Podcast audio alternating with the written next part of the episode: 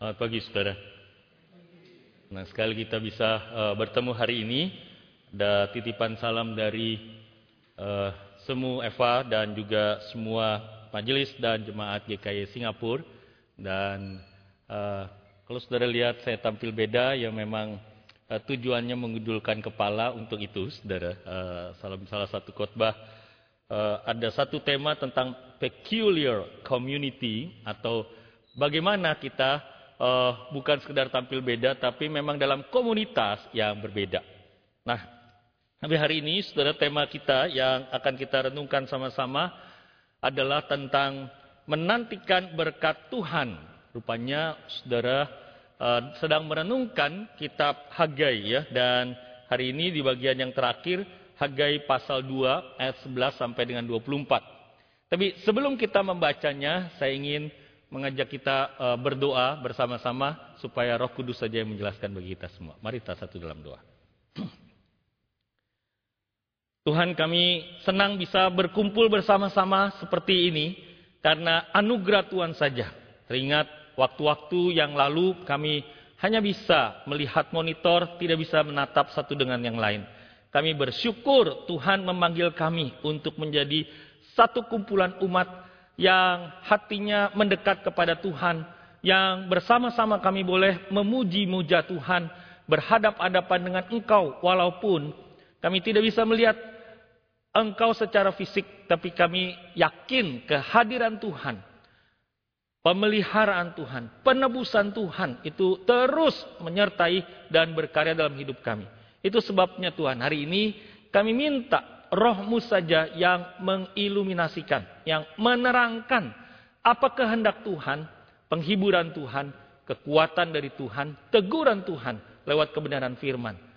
Kami minta Roh Kudus menerjemahkan sesuai dengan apa yang Tuhan kehendaki. Dan kami boleh bukan cuma menjadi pendengar baik, tapi menjadi pelaksana kebenaran. Kuatkan dan tolong kami ya Tuhan. Dalam nama Kristus kami memohon. Amin. Saudara, di waktu yang lalu kita uh, tahu sama-sama saudara ya bahwa ada satu gedung, gedung kembar atau the twin towers, menara kembar namanya di tahun 2011, 2012 saya pernah mengunjungi bekas uh, reruntuhan dari The Twin Towers ini di Manhattan, di New York. Kami menginap persis di hotel yang melihat uh, kubangan itu, saudara. Tapi memang uh, rasanya ketika ada tempat itu, walaupun sudah tidak ada lagi uh, sampah, debris, atau apa pun juga, saudara, sisa-sisa runtuhan bangunan, um, memang menggetarkan hati, saudara ya. Karena dulunya begitu megah, tapi kemudian dari tahun 73 dibangun, 2001 lulu lantak. Saudara, gambaran itu yang nanti kita akan lihat di kitab Hagai. Bagaimana 70 tahun yang lalu, 80 tahun yang lalu, begitu megahnya gedung bukan uh, gedung perekonomian seperti Twin Towers ini, bukan kantor, tapi rumah Tuhan yang disebut sebagai tempat di mana Allah menyatakan kehadirannya bagi umat. Sekarang tidak ada lagi. Saudara, kalau masih hidup waktu dulu melihat kemegahannya, lalu sekarang balik lagi setelah 70 tahun meninggalkan Yehuda, Yerusalem, saudara memang hati menjadi bertanya-tanya apa sebenarnya yang terjadi sehingga Tuhan menyatakan hal demikian. Nah, kita sudah melewati ini sebetulnya saudara bahwa kitab Hagai merupakan sampaian dari sang nabi sesudah 18 tahun orang Israel itu kembali dari pembuangan Babel di kota Yerusalem. Saudara, Hagai dalam dua pasal yang kita baca Sebetulnya cuma khotbah empat kali atau cuma empat pesan saja. Pesan pertama dan empat pesan itu cuma disampaikan empat bulan saja, saudara. Pesan pertama eh, Hagai 1114, pesan kedua, lalu saudara di pesan ketiga dan keempat hari yang sama. Itu yang akan kita baca nanti. Saudara, apa yang menjadi latar belakang dari kitab Hagai ini eh, yang akan kita renungkan sama adalah kondisi ini. Di bagian pertama, ketika Hagai menyampaikan pesan pertama, mereka sedang mengalami tidak adanya berkat Tuhan. Jadi topik kita hari ini saudara adalah tentang menanti-nantikan berkat Tuhan. Tapi kondisi mereka justru dalam kondisi seperti ini. Mereka menabur banyak. Bayangkan, 70 tahun di kota lain, 70 tahun di negara lain, sudah established, sudah lumayan mapan, sekarang pulang, balik lagi, bercocok tanam lagi. Tapi waktu mereka menabur, hasilnya hanya sedikit. Mereka makan tapi tidak sampai kenyang. Mereka pakaian tapi badan tidak sampai panas. Bekerja tapi seperti dompetnya berlubang, saudara. Cepat sekali perginya. Mereka dalam kondisi ini, frustasi dan tidak sejahtera. Lalu HG 19 menyatakannya. Mengapa terjadi demikian? Mengapa kamu harap banyak tapi hasil sedikit? Kenapa kamu bawa ke rumah tidak seperti yang kamu harapkan? Karena Tuhan berkata, aku menghembuskannya. Karena apa? Karena rumahku tetap menjadi reruntuhan. Jadi sudah ada di tempat 18 tahun, tapi mereka memprioritaskan bangun rumah sendiri, lalu rumah Tuhan tetap menjadi reruntuhan. Nah, saudara, sesudah teguran 18 tahun ada di provinsi Yehud, jadi kerajaan Babel, sorry, kerajaan Persia, saudara, menamakan dulunya kerajaan Yehuda sebagai provinsi Yehud. Sekarang rumah Tuhan sudah dibangun lagi. Tiga bulan setelah peletakan batu pertama, mereka menangis. Kenapa, saudara? Karena nampaknya rumah Tuhan tidak semegah yang dulu. Tapi ini janji Tuhan lewat Hagai di ayat yang ke-10. Adapun rumah ini kemegahannya yang kemudian akan melebihi kemegahan yang semula. Firman Tuhan semesta alam. Dan di tempat ini aku akan memberi damai sejahtera. Demikianlah firman Tuhan semesta alam. Saudara ini janji. Sekaligus juga nubuat. Tapi bagaimana mungkin mata melihat Fisik gedungnya tidak semegah seperti yang dulu. Lalu sesudah itu maka kita sampailah saudara pada Hagai 2 ayat 11 sampai 20. Jadi saya harap kita tahu situasinya. Mereka sudah mulai membangun, peletakan batu pertama sudah dilakukan, tapi mereka juga cemas. Apakah nanti Tuhan akan memberkati? Yang kedua, mereka dalam kondisi juga cemas. Apakah kemegahannya akan seperti bait Allah di zaman Salomo? Nah, kemudian datanglah pesan ini. Kita sama-sama mengikutinya. Pada tanggal 24 bulan yang ke-9, pada tahun yang kedua zaman Darius, datanglah firman Tuhan kepada Nabi Hagai. Bunyinya, beginilah firman Tuhan semesta alam itu. Tanyakanlah pengajaran kepada para imam. Andai kata seseorang membawa daging kudus dalam punca jubahnya, Lalu dengan puncanya itu ia menyentuh roti atau sesuatu masakan atau anggur atau minyak atau sesuatu yang dapat dimakan. Menjadi kuduskah yang disentuh itu? Lalu para imam menjawab katanya tidak. Next. Maka sekarang perhatikanlah mulai dari hari ini dan selanjutnya sebelum ditaruh orang batu demi batu untuk pembangunan bait Tuhan. Bagaimana keadaanmu? Ketika orang pergi melihat suatu timbunan gandum yang seharusnya sebanyak 20 gantang, hanya ada 10. Dan ketika orang pergi ke tempat pemerasan anggur untuk mencedok 50 takar, hanya ada 20. Dulu itu, waktu itu sebelum kamu bangun, aku telah memukul kamu dengan hama dan penyakit gandum dan segala yang dibuat tanganmu dengan hujan batu. Namun kamu tidak berbalik kepadaku, demikianlah firman Tuhan. Perhatikanlah mulai dari hari ini dan selanjutnya. Mulai dari hari yang ke-24 bulan ke-9. Mulai dari hari diletakkannya dasar bait Tuhan, perhatikanlah. Apakah benih masih tinggal tersimpan dalam lumbung? Dan apakah pohon anggur dan pohon ara, pohon delima dan pohon jaitun belum berbuah? Mulai dari hari ini aku akan memberi berkat. Saudara lihat, ada tiga kali kata perhatikanlah. Dan ada tiga kali Tuhan janji mulai hari ini. Lalu saudara, pesan yang kedua di hari yang sama. Janji Tuhan, berkat Tuhan selanjutnya. Maka datanglah firman Tuhan untuk kedua kalinya kepada Hagai pada tanggal 24 bulan itu bunyinya. Katakanlah kepada Zerubabel, ada nabi, ada imam, sekarang ada bupati namanya Zerubabel. Begini. Aku akan mengguncangkan langit dan bumi. Dan akan menunggang balikan tahta raja-raja. Aku akan memunahkan kekuasaan kerajaan bangsa-bangsa dan akan menjungkir balikan kereta dan pengendaranya. Kuda dan pengendaranya akan mati rebah. Masing-masing oleh pedang temannya. Pada waktu itu demikianlah firman Tuhan semesta alam. Aku akan mengambil engkau, hai Zerubabel bin Sealtiel, hambaku. Demikianlah firman Tuhan dan akan menjadikan engkau seperti cincin meterai, sebab engkaulah yang kupilih. Demikianlah firman Tuhan semesta alam. Amin. Mari kita lihat, saudara, pesan yang pertama dari Hagai ini. Saudara, Hagai di waktu itu mengajak orang Israel melihat sesudah tiga bulan pembangunan, apakah pembangunan ini berjalan dengan baik. Jadi 18 tahun sudah tinggal di provinsi Yehud, warga akhirnya memang mulai taat.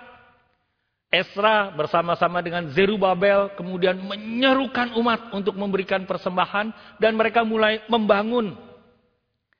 Namun faktanya adalah ini dan ini menjadi teguran di pesan pertama di khotbah yang ketiga Hagai, yaitu sementara mereka bangun bait suci, mereka tetap hidup di dalam dosa. Lalu firman Tuhan menyatakan dalam bentuk yang tanya jawab, kekudusan bait suci itu tidak menularkan hidup kudus, sebaliknya keberdosaan mereka itulah yang menodai bait suci. Dia memakai bahasa begini, saudara. Tanya kepada imam, kalau kamu ini menyentuh yang najis, katakanlah mayat atau uh, peraturan orang Israel waktu itu. Lalu sekarang kamu menyentuh korban persembahan untuk dibawa kepada Tuhan. Apakah korban itu menjadi kudus atau menjadi najis? Kira-kira begitu. Nah, tapi sebetulnya yang mau diarahkan oleh Hagai adalah ini. Problemnya sekarang ternyata kamu belum mengerti apa maksudnya Tuhan dengan adanya bait suci ini. Tuhan menantikan Bukan sekedar pembangunan yang megah. Tapi hidupmu. Pembangunan bait suci ini tidak bisa menutupi dosamu. Yang sementara kamu bangun bait suci tapi diam-diam kamu tetap hidup dalam dosa. Kamu pikir yang kamu bikin ini, pembangunan ini bisa menguduskan segala sesuatu yang kamu buat dosa yang ada di sini. Tidak. Jadi ingat kata Hagai. Dulu sebelum pelatukan peletakan batu pertama, mereka frustasi, mereka sengsara karena apa? Karena Tuhan menghembuskan semuanya. Sekarang sudah tiga bulan sejak mulai bait suci, ini yang sedang dalam kandungan. Mereka sedang menunggu-nunggu berkat Tuhan dan Tuhan menyatakan memang benar. Benih yang dalam gudang kamu memang sekarang semua sudah ditaburkan. Benih kamu lihat sendiri sudah berkecambah dalam tanah, tidak cuma disimpan dalam gudang. Nanti kamu akan melihat buah yang akan tiba, anggur, ara, delima, jaitun.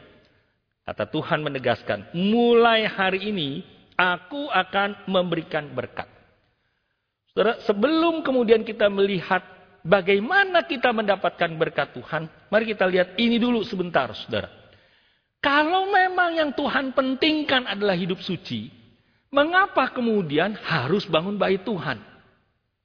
Saudara, dalam kehidupan orang Israel, bait suci begitu sentra karena apa, saudara? Karena sebetulnya bukan cuma yang megah, yang hebat dibangun Salomo, tapi Musa sendiri dalam kitab ulangan sudah menubuatkan tentang apa pentingnya tempat buat penyembahan kepada Tuhan itu? Ulangan 12 ayat 5. Tetapi tempat yang akan dipilih Tuhan alamu dari segala sukumu sebagai kediamannya untuk menegakkan namanya di sana, tempat itulah harus kamu cari dan ke sanalah harus kamu pergi.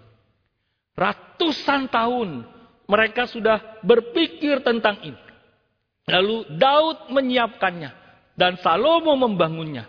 Nanti kemudian memang ketika mereka 300 tahun, 400 tahun sesudah mereka melihat ada bait yang megah itu, tapi tetap mereka hidup dalam dosa, maka Tuhan menghukumkan dengan cara simbol dari kehadiran Allah itu dihancur lebukan. Kitab Yeremia dan Yesaya berkata begini, satu ubin pun, Satu tegel pun tidak ada lagi di tempatnya. Kenapa? Dihancurkan, dilululantakan oleh Nebukadnezar. Jadi artinya apa, saudara? Mereka merasa bahwa pada saat itu betullah ini yang terjadi. Kita yang selama ini bait Allah itu bukan sekedar landmark tapi menjadi identitas kita. Dikunjungi oleh Ratu Seba. Begitu banyak orang berziarah setiap tahun. Ketika kita mengalami kesulitan, kita berdoa di situ. Sekarang hancur. Sekarang tidak ada lagi. Israel merasa mereka dalam posisi kalah mereka tidak lagi sebagai bangsa. Sebab apa? Karena mereka sudah menyebar. Yang bagian utara ke Asyur, yang bagian selatan ke Babel, yang kemudian dijajah oleh Persia. Sekarang sesudah kembali dari pembuangan, kalau kita bangun ulang, apakah bisa mengembalikan kejayaan kita yang lama, kemegahan yang dulu? Kalau kita bangun lagi, apakah Tuhan akan tetap ingat akan perjanjiannya dengan kita? Akan memberkati hidup kita lagi. Dalam krisis seperti inilah Nabi Hagai kemudian menyatakan apa sebenarnya menjadi isi hati Tuhan. Bahwa mari kita kembali fokus bukan sekedar membangun bait suci. Tapi mari fokus pada kemuliaan Allah yang dinyatakan lewat kehadirannya dan lewat kehidupanmu sebagai umat Allah. Kalau selama ini prioritasnya semata-mata bagaimana kesejahteraanku karena bergeser kamu dari kehidupan yang seharusnya, mari kembali kepada prioritas yang sesungguh-sungguhnya. Dan ini yang dijanjikan sampai tiga kali diungkapkan. Tuhan pasti menyertai. Akan ada berkat Tuhan. Namun kalau diurutkan prioritasnya, mana lebih penting bait suci dengan kehidupan yang suci maka ini sebenarnya yang Tuhan rindukan dalam hidup orang Israel. Tuhan dimuliakan di bait suci kelak dengan cara yang belum pernah terjadi. Waktu itu mereka belum tahu apa. Tapi lewat Zerubabel, inilah bait yang suci yang baru, saudara. Keturunan Daud, Tuhan akan menyatakan kejayaan juru selamat pilihannya.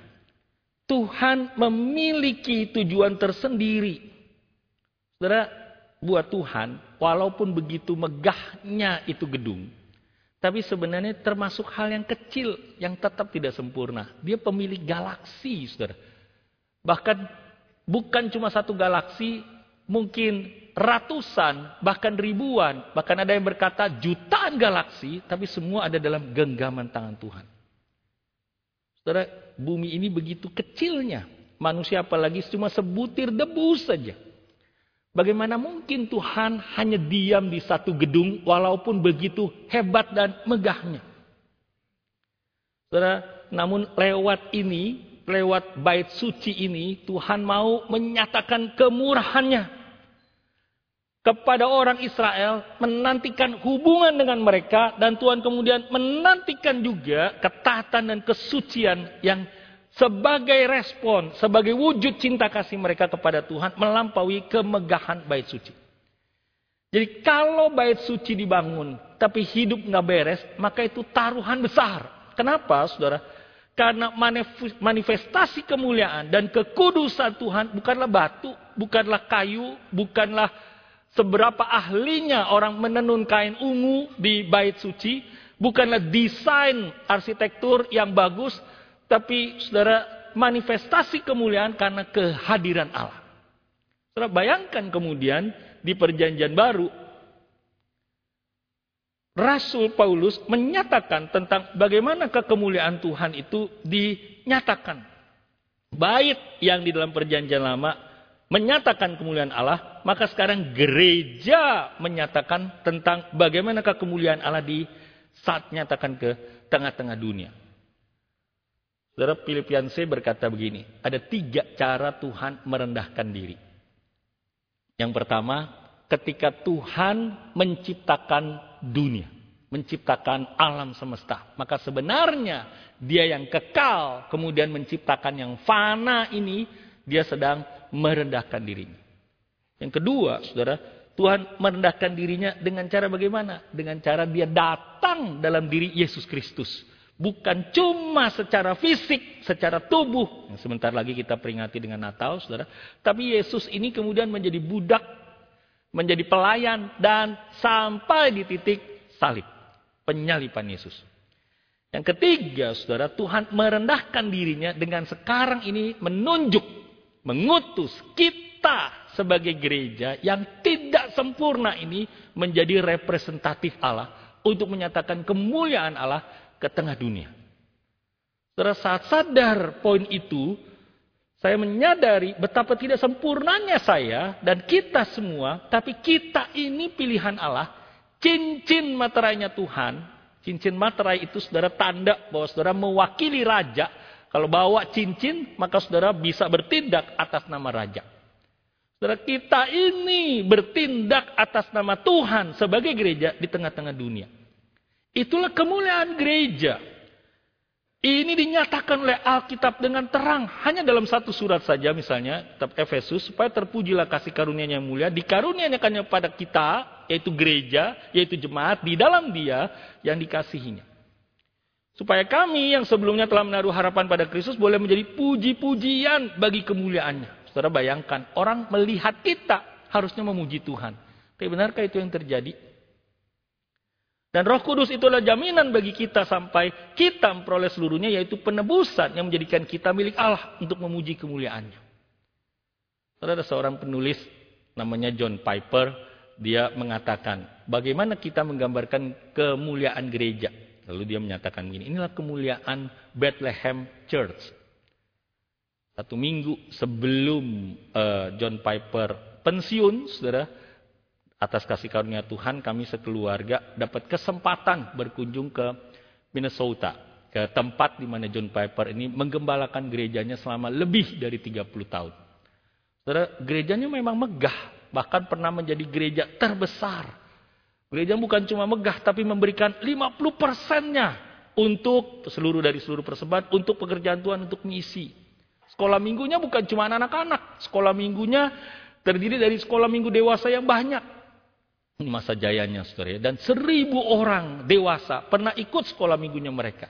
Di tempat itu juga dibentuk para pemimpin rohani. Kemudian memang sekarang saudara gereja itu alami kesulitan. Sekarang kalau begitu. Kalau kita sekarang sebagai gereja. Sebagai umat Allah yang Tuhan sendiri sudah pilih kita. Menyatakan kepada dunia siapakah dia. Saudara, kalau kita bangun kita, hidup kita sebagai gereja, kita bangun apa, saudara? What do we build?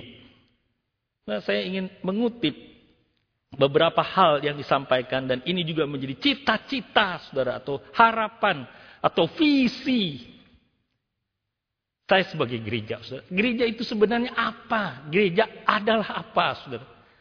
Yang Tuhan nantikan apa sebenarnya dari gereja, dari kehidupan kita. Sudah buat saya, gereja adalah tempat buat orang yang terluka, yang depresi, yang frustasi, yang bingung. Untuk apa? Untuk kembali menemukan kasih. Lewat sambutan sesamanya. Lewat sambutan kita satu dengan yang lain. Lewat pertolongan. Lewat harapan. Lewat pengampunan. Lewat bimbingan. Lewat encouragement. Bukankah itu yang seharusnya terjadi? Termasuk di gereja kita. Saudara, gereja adalah apa? Gereja adalah ini. Gereja adalah tempat di mana kabar baik bukan cuma dari mimbar, tapi gospel itu, Injil itu, kasih karunia itu disampaikan satu dengan yang lain. Anugerah itu berlimpah diungkapkan dan itulah gereja. Gereja adalah apa? Gereja adalah di mana tempat di mana anggotanya hidup dalam persekutuan yang saling mengasihi, saling belajar satu dengan yang lain, bukan saling gosip, saudara, saling bergurau juga. Tidak masalah itu, saudara. Hidup rukun bersama-sama. Gereja adalah apa, saudara? Gereja adalah tempat di mana kita dibentuk. Di mana kita ini, saudara, bertumbuh dalam kedewasaan rohani lewat doa. Lewat Bible study lewat diskusi, apa pun programnya namanya, saudara. Lewat perayaan sahabat seperti kita sekarang ini. Lewat mentoring. Walaupun mungkin dulu disebut sebagai pemuridan, tapi intinya hakikatnya adalah ini bukan? Saudara bagaimana satu dengan yang lain menjadi pembimbing untuk pertumbuhan rohani untuk bersama-sama bertumbuh ke arah Kristus. Gereja mengadakan retreat, gereja mengadakan segala sesuatu supaya tujuannya ini semata-mata. Bukan supaya meriah, bukan supaya rame, bukan supaya megah. Saudara, gereja adalah tempat apa? Gereja adalah tempat kita saling memperlengkapi satu dengan yang lain untuk akhirnya kita menemukan talenta, bakat, karunia yang Tuhan sudah berikan. Talenta itu saudara adalah uang, betul. Tapi kemudian talenta kita tahu sama-sama adalah merupakan satu karunia yang mesti dilipat gandakan untuk hormat dan kemuliaan Tuhan. Dan gereja adalah apa? Gereja adalah tempat untuk mengutus setiap saudara. Bukan cuma mereka yang pindah ke luar negeri, ke luar tempat dari sini, saudara, tapi ke berbagai tempat kita ini adalah misionaris yang kemudian diberikan kuasa oleh Tuhan di dalam gereja diutus ke tempat kerja ke mana pun. Saya baru saja pulang dari Bandung, saudara, kuliah dua hari tentang bagaimanakah menolong, membimbing orang bertumbuh di dunia kerja. Saudara, ternyata ada fenomena di seluruh dunia yang sama dengan anak milenial ini, saudara. Bahwa anak-anak milenial atau usia kerja 0 sampai 5 tahun, anak milenial saudara akan pindah kerja berdasarkan riset minimal 2 sampai 3 kali. Jadi kalau anak saudara baru lulus, di mana pun lulusnya, mau dari luar negeri ataupun lulusan universitas di Indonesia, saudara dalam lima tahun kalau mereka pindah dua tiga tempat kerja, ternyata itulah gejalanya yang sekarang akan terjadi. Mengapa demikian?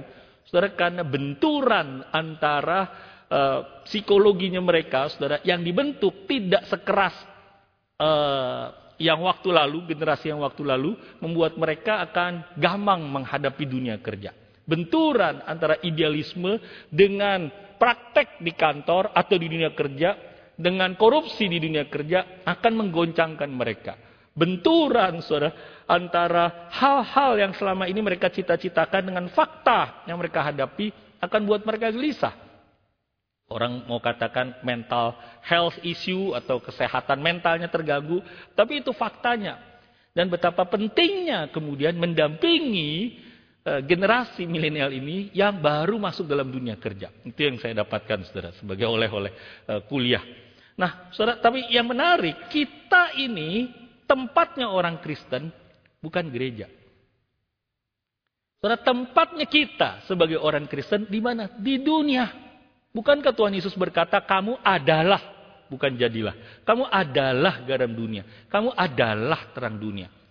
Saudara, tempatnya kita orang Kristen di mana? Di dunia. Bukankah Tuhan Yesus berkata, hendaklah kamu cerdik seperti ular, tulus seperti merpati. Di mana itu? Masa di gereja? Saudara dalam bahasa aslinya, licik selicik-liciknya seperti ular, tulus setulus-tulusnya seperti merpati. Saudara dalam ketegangan ini, bisakah, mampukah kita, saudara, tapi saudara itu yang Tuhan nyatakan. Di mana itu saudara kita cerdik? Harus lebih cerdik dari orang dunia. Di dunia. Saudara Tuhan Yesus berkata kamu diutus seperti domba ke tengah-tengah serigala. Di mana itu? Di dunia. Masa di gereja ada serigala? Kan begitu saudara ya. Itu di dunia. Kalau begitu gereja sebagai apa? Buat saya, ringkasan dari lima hal tadi yang kita lihat sama-sama. Saudara, sebagai visi tentang gereja adalah apa saudara? Gereja adalah base camp. Peperangan kita yang sesungguhnya adalah di dunia, peperangan rohani kita. Tapi kalau orang perang, kemudian alami keletihan, capek, kemudian mengalami kesulitan, bahkan kena tembak, saudara, apakah langsung pulang ke negara asal? Kalau orang di medan perang, saudara, mereka ke base camp. Mendapatkan kekuatan baru, pemulihan baru, pengobatan, lalu mereka diutus lagi ke medan perang. Gereja, saudara, adalah demikian. Tempat pengutusan. Tapi di sini juga, saudara, di gereja juga adalah banyak luka-luka yang kita hadapi, bukan? Saudara, sekarang kalau dulu yang dinyatakan dalam kemuliaan Tuhan itu di bait Allah, sekarang kita lihat saudara Tuhan mau di tengah-tengah kehidupan kita bergereja inilah Tuhan menyatakan kemuliaannya. Sayangnya kita merasa ini, saudara. Business is running well. Gereja kita semuanya baik-baik saja kalau begini. Yang hadir kebaktian minggunya sudah bertambah banyak. Kalau pembicara khotbahnya baik-baik saja. Dan selalu baik. Itu harapan kita semua bukan? Acara besar selalu meriah dan dihadiri banyak orang. Yang dibaptis, yang di sini bertambah. Jemaatnya terlibat jadi aktivis dengan sukarela. Mau paksa rela juga kadang-kadang nggak apa-apa lah begitu saudara ya. Tapi saudara, kita melihat banyak yang terlibat. Kalau ada pengumpulan dana, senantiasa cukup. Tambahan satu lagi dari saya. Kalau nggak ada gosip tentang pendeta, tentang gereja. Wah, pokoknya inilah gereja udah begini aja. Kita jadi orang Kristennya begini-begini aja lah. Baik-baik saja lah. Benarkah, saudara? Tuhan mau gereja bukan sekedar ini, saudara. Kalau begini namanya ya, bisnis gereja. Pokoknya jemaatnya tambah banyak nih. Bukan. Visinya Tuhan untuk gereja bukan sekedar itu. Saudara Tuhan merindukan kita. Walaupun banyak kelemahan, walaupun banyak kesulitan. Tuhan merindukan kita menjadi representatif kehadirannya. Kemuliaannya di tengah dunia. Dan di sinilah kita diperlengkapi, dihibur, diobati, diutus lagi. Kalau begitu. Kalau saudara ditanya, gerejaku ini adalah apa? Saudara mau definisikan apa? Ada lima definisi ya. Kalau saudara ditanya, kalau saudara buat saudara artinya gereja apa? Bagaimana saudara menyebutnya? Saudara, jika kemuliaannya dikhususkan oleh Tuhan di perjanjian lama di dalam bait suci. Sekarang di perjanjian baru, saudara bukan sekedar gedung gerejanya, tapi lewat kehidupan kita. Maka kemudian ini ada janji Tuhan maka kita akan alami berkat Tuhan. Tuhan sampai tiga kali menegaskan. Perhatikanlah. Dan mulai dari hari ini aku akan memberkati kamu. Sorry.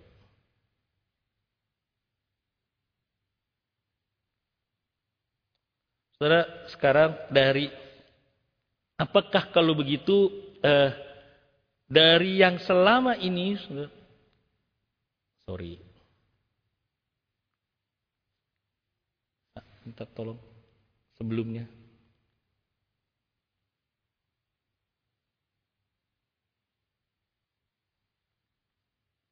Next.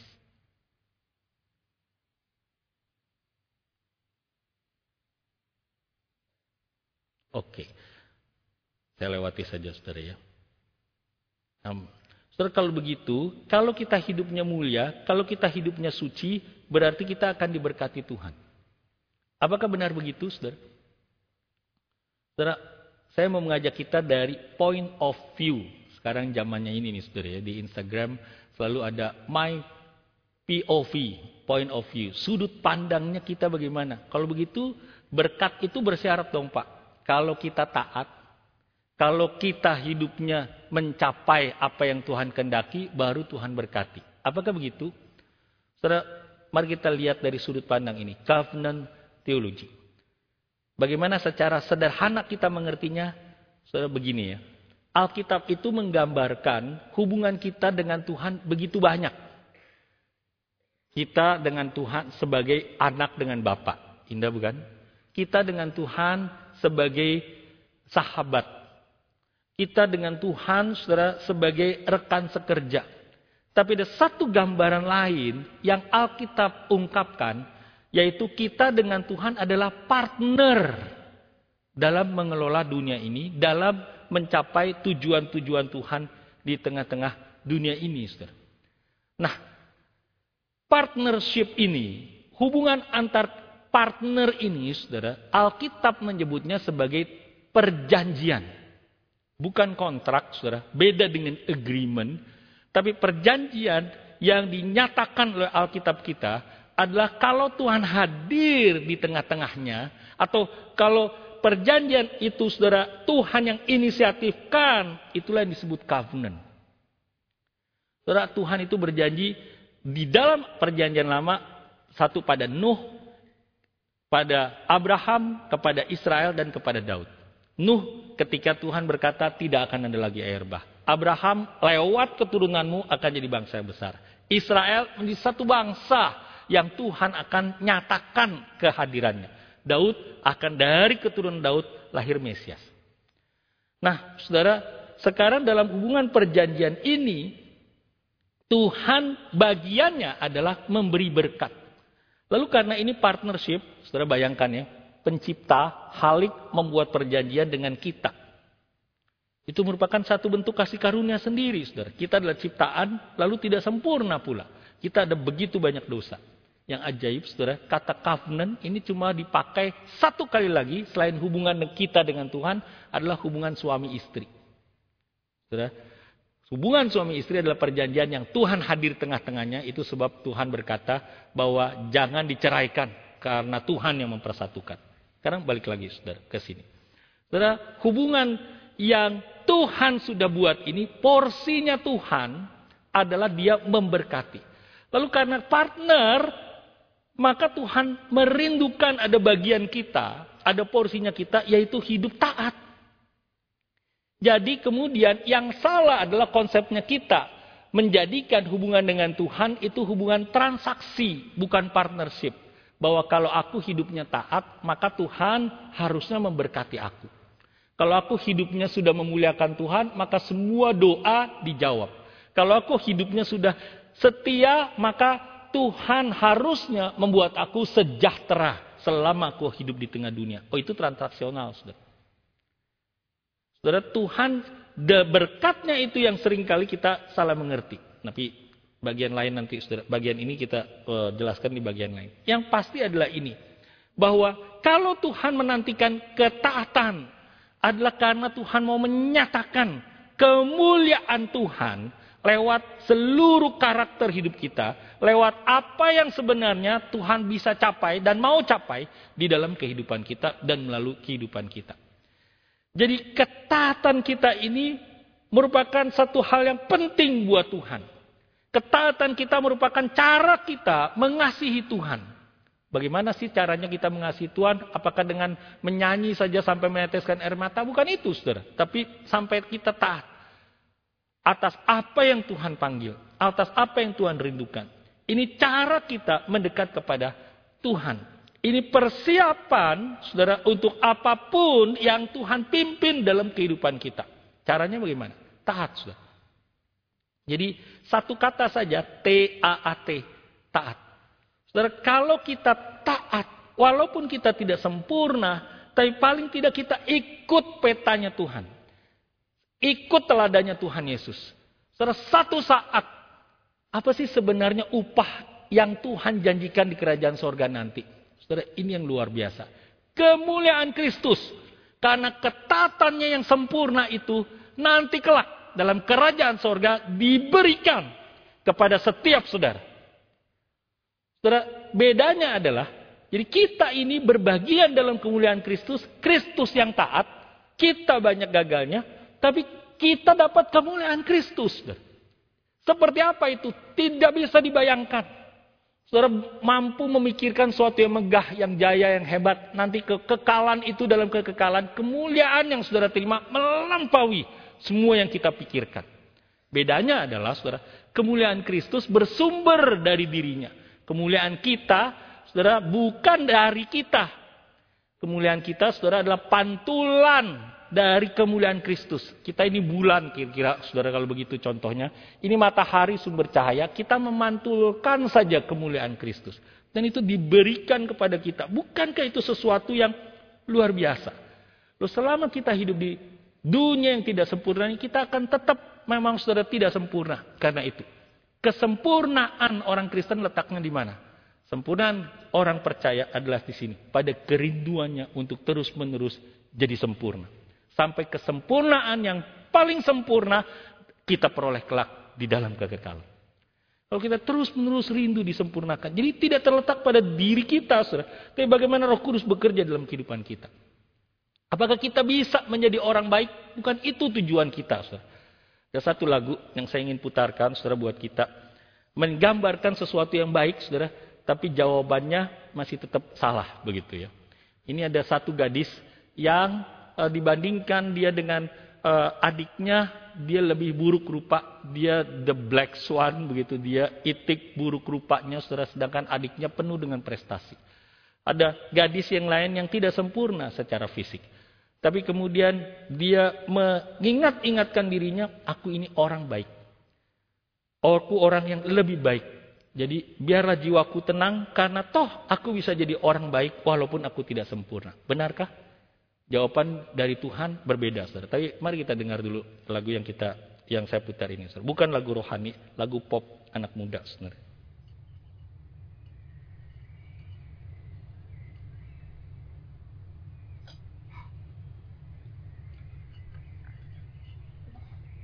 Bu, ya. Aku udah tahu mau ngapain. Hmm? Aku mau ikut ekstra nari. Teman-teman aku juga pada ikut kok. Oh ya? Jadi bulan depan itu ada lombanya. Terus aku mau ikutan. Wah, Wah, apa ini? Iya, dapat lagi juga dari sekolah. Apa ini piala apa? Itu juara satu lomba bahasa Inggris. Kayaknya banget aku bisa ngalahin sekolah sebelah. Mereka itu sama aku dari tahun lalu loh. Wah, kamu selalu membanggakan keluarga. Iya, terus tadi itu pas aku pada lebat, aku bisa ngalahin semua lawan.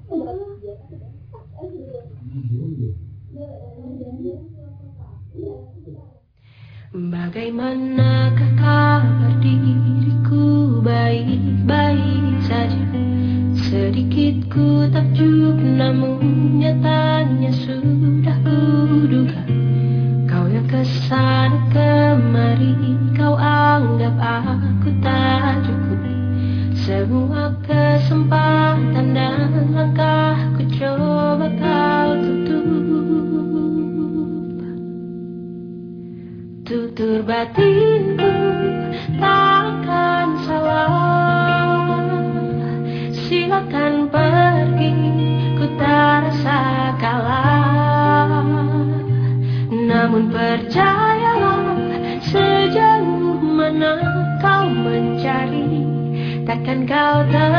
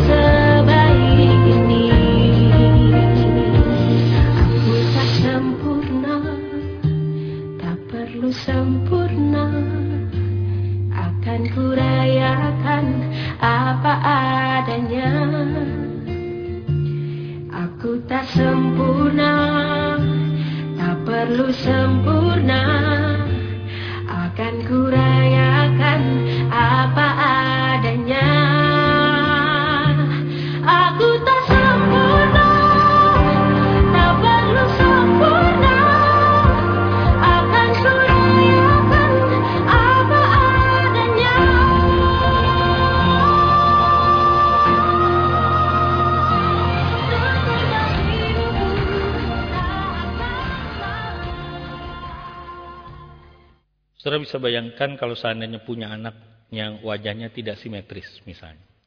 Saudara bisa bayangkan buat anak-anak sekarang, saudara, anak-anak remaja kita. Kalau mereka foto bertiga, lalu kemudian fotonya dibuang ketika masuk Instagram, that's a problem. Lalu bagaimana jawabannya, saudara? Saudara sedih dan kecewa, masalahkah saudara? Eh, bedanya sedih dan kecewa dan putus asa itu apa, saudara? Orang bisa tidak makan nasi atau tidak bisa tidak makan saudara selama 40 hari. Apa pun makanannya. Bukan cuma nasi. Saudara. Kalau lebih dari 40 hari tidak makan dia mati. Orang bisa tidak minum 4 hari. Lebih dari 4 hari tidak minum mati. Saudara. Orang bisa bernafas saudara atau oksigennya ini di otak otak bisa tidak dapat oksigen 4 menit. Kalau empat menit otak tidak dapat oksigen, rusak saudara otak dan kemudian manusia mati. Tapi orang kalau tidak punya harapan, tidak punya makanan, tidak punya minuman, tidak punya oksigen masih bisa bertahan. Kalau tidak punya harapan, mati langsung. Namanya putus harapan, bunuh diri. Nah, sedih dan kecewa saudara, Bisakah terjadi kalau saya tidak sempurna, kalau saya ada cacatnya, kalau saya penuh dengan kegagalan dan kelemahan, saudara, bisakah, bolehkah sedih dan kecewa? Boleh saja, saudara. Tapi, saudara, kita tetap, ini bedanya, saudara ya, kita tetap punya sumber harapan kita, kita punya alternatif. Kalau tidak ada harapan, berarti tidak ada alternatif lain.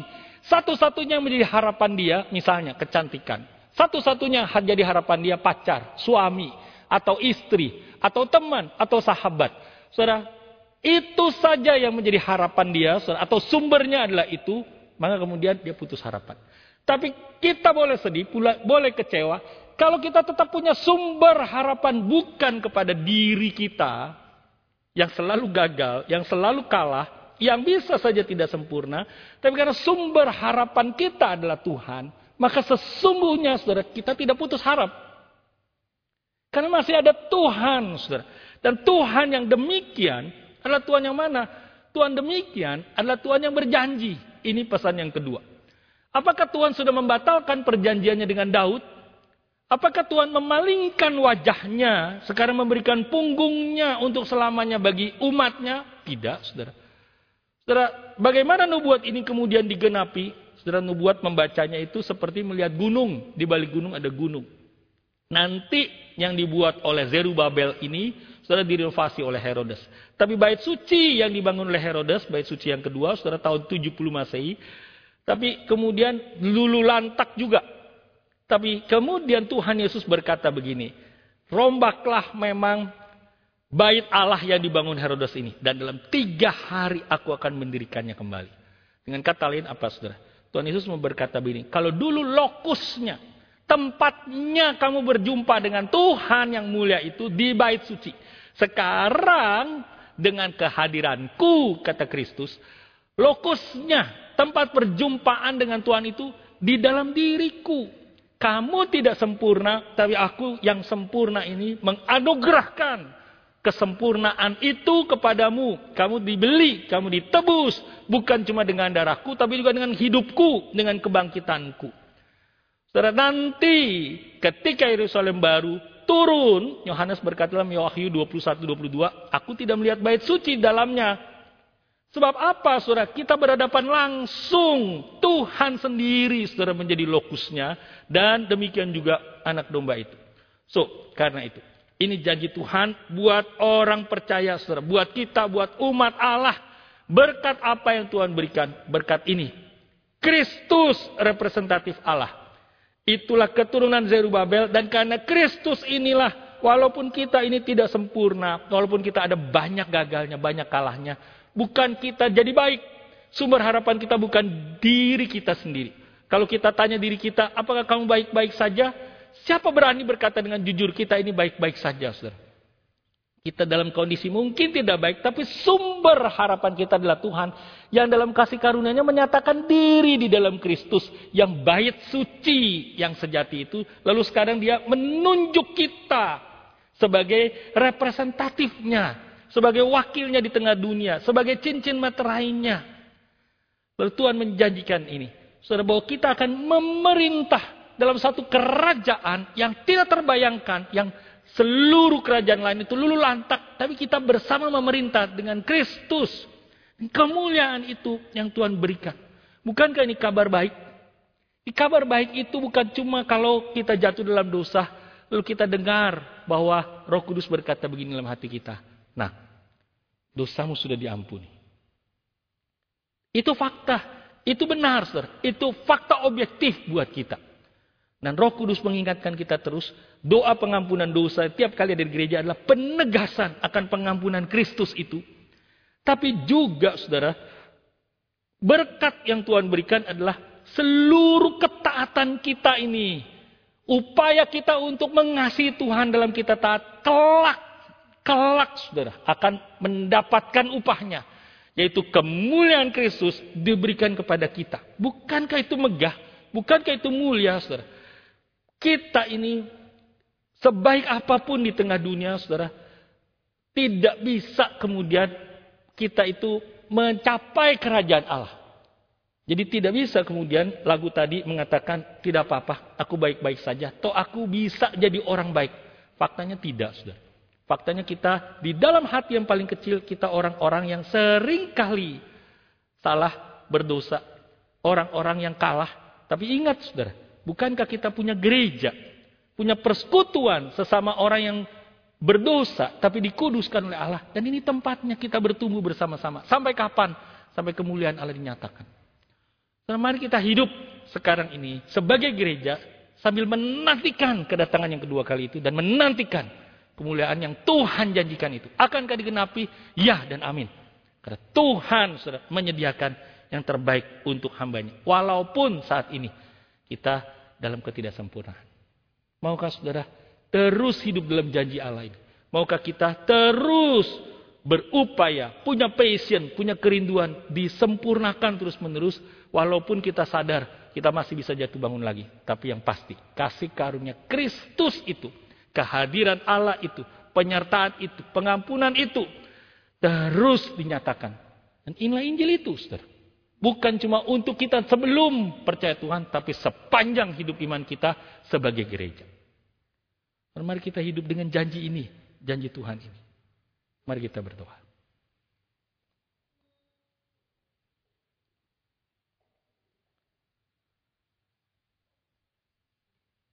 Tuhan, kami mungkin pernah kecewa ketika melihat gereja. Seperti orang Israel sedih, kecewa melihat bait suci yang dibangun Jerubabel. Tidak semegah kejayaan waktu lalu. Tapi Tuhan kami bersyukur. Tuhan tidak putus asa dengan gereja. Oleh karena kasih karunia Tuhan, Tuhan terus menerus merindukan kami ini dan menyempurnakan kami, menguduskan kami selama kami di tengah dunia. Tuhan kami sadar siapa diri kami. Kalau bukan karena anugerah, kalau bukan karena pertolonganmu, kami tidak berdaya. Tapi kalau sekarang walaupun tidak sempurna kami diutus ke tengah dunia, Tuhan kami sandar kepada Tuhan. Kami harap kepada Tuhan. Kami tetap punya sumber pengharapan yang sejati, yaitu Tuhan sendiri. Kami yakin kalau kami berupaya taat, maka ketaatan kami itu adalah hal penting di hati Tuhan, di mata Tuhan. Karena kami berupaya mewujudkan kasih kami yang lemah ini kepada Tuhan. Kelak kami menantikan kemuliaan, kejayaan yang Tuhan sediakan bagi kami dalam kerajaan kekal. Tolong kami. Patrikan hal itu Tuhan dalam hati kami. Sehingga hidup kami, kami tahu, tidak sia-sia selama kami arungi di tengah dunia ini. Sebagai keluarga, sebagai pribadi, dalam dunia kerja, sebagai gereja yang diutus ke tengah dunia. Terima kasih Tuhan. Dalam nama Yesus kami berdoa. Amin. Serahkan kembali.